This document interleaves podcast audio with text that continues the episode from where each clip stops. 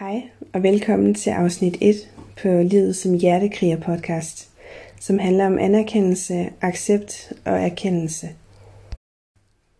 For mig er det tre vidt forskellige begreber, som man i nogle sammenhænge slet ikke må sammenligne, da de hver især dækker over hver deres proces i mit virke som hjertebarnsmor. Fælles for alle tre begreber er, at de ingen slutdato har, mens starttidspunktet som oftest altid er definerbar. Det er lidt ligesom når vi bliver født. Vi har en startdato i form af vores fødselsdag, men vi får ingen dato for, hvornår vores liv slutter, og der ikke er flere sider tilbage i vores individuelle livskalender. Livet er kendetegnet ved, at vi bliver født, og senere, når tiden er inde, skal vi dø. Men i tiden fra vi bliver født til vi dør, kan vi heldigvis selv vælge, hvilke valg i livet vi træffer, og hvordan vi vil takle de udfordringer, som kommer til os. I virkeligheden er det noget, vi aktivt, bevidst som ubevidst kan vælge strategi for, hvordan vi vælger at imødekomme, selvom det langt fra altid føles sådan, og man befinder sig i sin følelsesvold i ren og skær afmagt. Men når vi tænker over det, så er det faktisk midt i afmagtens øje, at vi oftest har allermest indflydelse og er i besiddelse af uanede kræfter, vi faktisk slet ikke troede, vi havde ejerskab på. Når du føler dig allermest magtesløs og føler, at al din moderskabelige indflydelse er blevet dig frarøvet og overladt til ekspertisens hånd, så husk bare på at give dig selv anerkendelse. Eller bed din mor, din veninde, din kæreste, din mand eller et familiemedlem eller en kollega om at komme med tre ord, der nøje beskriver dit virke som mor til et barn med hjertesvigt, set fra deres perspektiv og helt uden filter. Jeg tør godt sige, og det er endda helt uden at kende de mennesker, som du, lige netop du, har tæt på dig, at de med stor garanti beundrer din enorme indre styrke, din ubetingede kærlighed til dit barn og hele din fattighed i hele denne proces. At blive opfattet sådan kræver et enormt overskud, endda midt i alt underskud af søvn, de mange bekymringer og angsten, som får dit hjerte til at hamre hårdt i din brystkasse, alt imens du trækker vejret igennem et sugerør og må affinde dig med at være overladt til sidelinjen under dit barns sygdomsforløb. Det er lidt ligesom vores livskalenders startdato, som på mange måder er tilfældig, som for eksempel bestemte hjertemærkedage, som vi både kan elske eller forbande langt væk, fordi det værste i verden er, når noget er galt med ens barn, og livsgarantier ikke er små stjerner, der hænger til frit skue på træerne og fri til at plukke efter behov. Slutdatoen kan dels defineres som et håb for fremtiden, når et barn erklæres hjerterask, og dels som den uvidshed, der ofte er hjertebarns familiers trofaste følgesvend, fordi vi aldrig helt kan vide og sikre på udfaldet. Alt vi ved er, at der findes to statistikker, og vi ved godt selv, hvilken vi ønsker vores eget barn skal være en del af. Så gør dig selv den tjeneste at anerkende dig selv for dit virke som nogens mest omsorgsfulde, kærlige og stærke mor, som du jo er.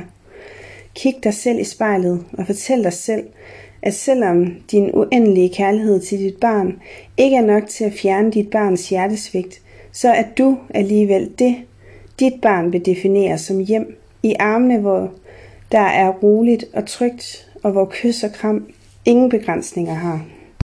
Du gør faktisk i sandhed det, som kun en mor kan. Og spørger du dit barn, så vil det aldrig være hverken dig eller det for uden. Du er det hjem, hvor lyset og kærligheden er dit ultimative våben i dit sind. Et magisk sted, hvor sygdommen for en kort stund tillades at blive glemt. Alt det her, som jeg lige har fortalt, som var det en vaskeægte selvhjælpsguide til forældre i frit fald, er i virkeligheden en stemme, som jeg ofte har haft svært ved at turde tro på. Jeg har om nogen været i tvivl om mit virke som mor. For hvordan kan jeg være god nok, når hele min verden er blevet reddet i tusind stykker, i takt med sorgen over, at mit barn har fået hjertesvigt? Hvordan kan jeg være en god mor, når jeg ikke kan tage det fra hende og tage det hele selv? Hvordan kan det være godt nok, når jeg bare er overladt til sidelinjen med armene omkring hende, uden at kunne beskytte og afskærme hende nok fra den hårde virkelighed. Hvordan? Hvad jeg ikke vidste på daværende tidspunkt var, at alle mine følelser faktisk slet intet havde at gøre med mit eget selvbillede eller manglende anerkendelse. Alle mine følelser af ren og skær afmagt og sorg var alene forbundne med selve accepten. For et er at erkende og omfavne øjeblikke, store som små, og det tror jeg faktisk, vi hjertebørnsforældre er rigtig dygtige til, netop på baggrund af den uvidshed, som på mange måder er blevet vores livsvilkår. Noget helt andet er at acceptere, at det lige var vores barn, der skulle ramme af hjertesvigt. Accepten er ikke som anerkendelsen kontrollerbar. Dermed sige, kan man ikke dygtiggøre sig på accept, som man kan på anerkendelse. Det er i hvert fald for mig to vidt forskellige begreber, der helst skal holdes hver for sig.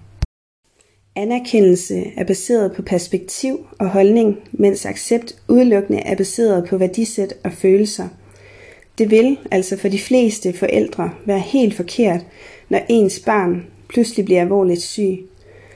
Det er svært at acceptere, fordi udfaldet er helt ukontrollerbart. Når vi har kontrol, er det generelt nemmere for os at acceptere på baggrund af vores indflydelsesniveau i takt med vores barns sygdomsforløb. Det er bare ret sjældent, at vi rammer et tilfredsstillende indflydelsesniveau set fra eget perspektiv, da vi jo ikke kan tage sygdommen og sparke den væk fra vores barn, selvom det inderst inde er det, vi allerhelst vil. Det ultimative våben til accepten er selve erkendelsen. Den sker nemlig allerede i takt med, at der bliver stillet en diagnose. Når vi kender diagnosen, bliver vi i stand til at træde ud af tidslommen af uvidshed, og vi får på baggrund af diagnosen mulighed for at søge viden inden for området, og dermed få svar på spørgsmål, der kan være forbundet med vores barns medfødte hjertefejl. For erkendelsen gælder det nemlig, at udsagnet skal være sandt, og dermed bliver vi altså præsenteret for en viden, som vi kan vælge at bruge konstruktivt i hverdagen med vores hjertebarn. Alle udsagn i informationen om vores barns hjertesygdom skal desuden være begrundet, hvilket muliggør for os at få et gyldigt svar på hvorfor og hvordan vores barns hjertesygdom forventes at påvirke barnet såvel som hverdagen. Og alene igennem begrundelsen bliver vi i stand til at føle en vis overbevisning, der hjælper os til at navigere i livet som hjertekrigerfamilie. Med erkendelsen får vi altså mulighed for at indsamle den viden, som er forbundet med vores barns hjertesygdom. Og lige nøjagtigt på hjerteområdet er vi jo i Danmark heldigvis med op i fronten rent forskningsmæssigt. Men selvom vi lever i en verden fuld af ekspertiser på området, kan det være vidt forskelligt, hvordan vi hver især vælger at behandle og bearbejde den viden, som kommer fra vores barns hjertelæge på baggrund af diverse EKG-kontroller, blodprøver, fysiske tests og scanninger. Og her kan jeg så tale ind i, at jeg personligt forholder mig ganske fattet og rolig, når hjertelægen i Skyby, Jesper Bjerre, giver en statusmelding omkring vores datter, når vi er på kontrolbesøg.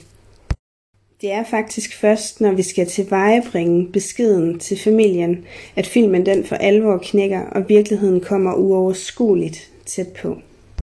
Som forældre er man det tætteste led på sit barn og diagnosen, og derfor kan det ofte være svært for omgivelserne at erkende den situation, vi hjertebørnsforældre står i sammen med vores hjertebarn. Omgivelserne bliver nemlig let distanceret fra diagnosen og de udfordringer, som man i hverdagen kan opleve som hjertekrigerfamilie.